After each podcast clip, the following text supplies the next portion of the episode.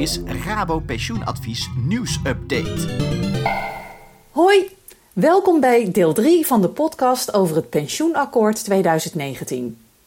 Ook deze podcast is weer mogelijk gemaakt door de pensioenexpert van Rabo Pensioenadvies, John Pijvers. Vandaag vertel ik je meer over de gevolgen van het pensioenakkoord voor de werkgever. Ja, ik weet het, pensioen is echt heel lastig sexy te maken, maar we doen ons best. De kans is groot dat de gevolgen van het pensioenakkoord jou ook raken, dus vooral even blijven luisteren, vooral als je werkgever bent en een pensioenregeling voor je medewerkers hebt. Uit het verlanglijstje van het regeerakkoord kwam onder andere het afschaffen van de doorsnee-systematiek. Hiermee verandert de manier waarop de premie over generaties wordt verdeeld. De huidige doorsneemethode is ontstaan in een situatie dat het aantal jongere en oudere werknemers redelijk in balans was. Daarnaast werkten werknemers langdurig in dezelfde bedrijfstak of zelfs bij dezelfde werkgever. De afgelopen decennia zijn zowel de bevolkingsopbouw als de arbeidsmarkt drastisch veranderd. Er zijn relatief veel minder jongeren ten opzichte van ouderen en levenslang werken bij dezelfde werkgever komt niet vaak meer voor. In het pensioenakkoord is afgesproken dat de huidige doorsneemethode wordt afgeschaft. Voor alle contracten wordt een leeftijdsonafhankelijke premie verplicht en krijgen de deelnemers een opbouw die past bij de ingelegde premie. Het pensioenakkoord komt overeen met de wens van het kabinet om een einde te maken aan de herverdeling die het gevolg is van de doorsneemethode. Om de pensioenopbouw transparanter te maken en om het pensioenstelsel beter op de arbeidsmarkt te laten aansluiten.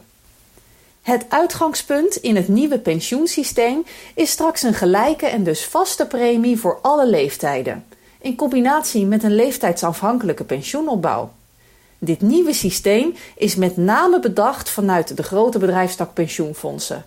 Daar is in bijna alle gevallen nog sprake van salarisdiensttijdregelingen. Maar deze nieuwe methode gaat straks ook gelden voor alle andere pensioenregelingen in Nederland. Dus ook voor werkgevers die een beschikbare premieregeling hebben. Tussen de 15 en 20 procent van de werknemers boven de 21 jaar bouwen momenteel pensioen op via een beschikbare premieregeling. De financiële impact hiervan voor deze werkgevers en haar werknemers kan enorm zijn.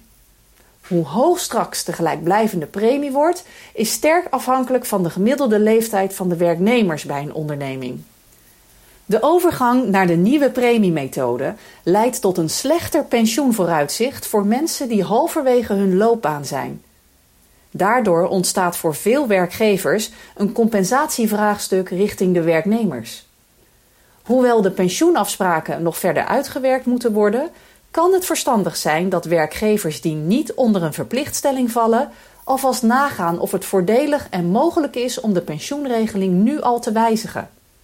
Als dit voor uw onderneming geldt, dan zou u de pensioenregeling wellicht kunnen wijzigen naar een regeling met een voor iedere werknemer gelijk premiepercentage. Of dat een goede zet is, heeft helemaal te maken met de leeftijdsopbouw van uw personeelsbestand. Bij een ouder werknemersbestand kan het zelfs voordelig zijn om niet te veranderen. Let wel, een omzetting naar een vaste premie betekent ook instemming van de medewerkers of OR. Nu al in overleg gaan kan dus absoluut geen kwaad. De volgende podcast gaat over de gevolgen voor werknemers. Tot dan!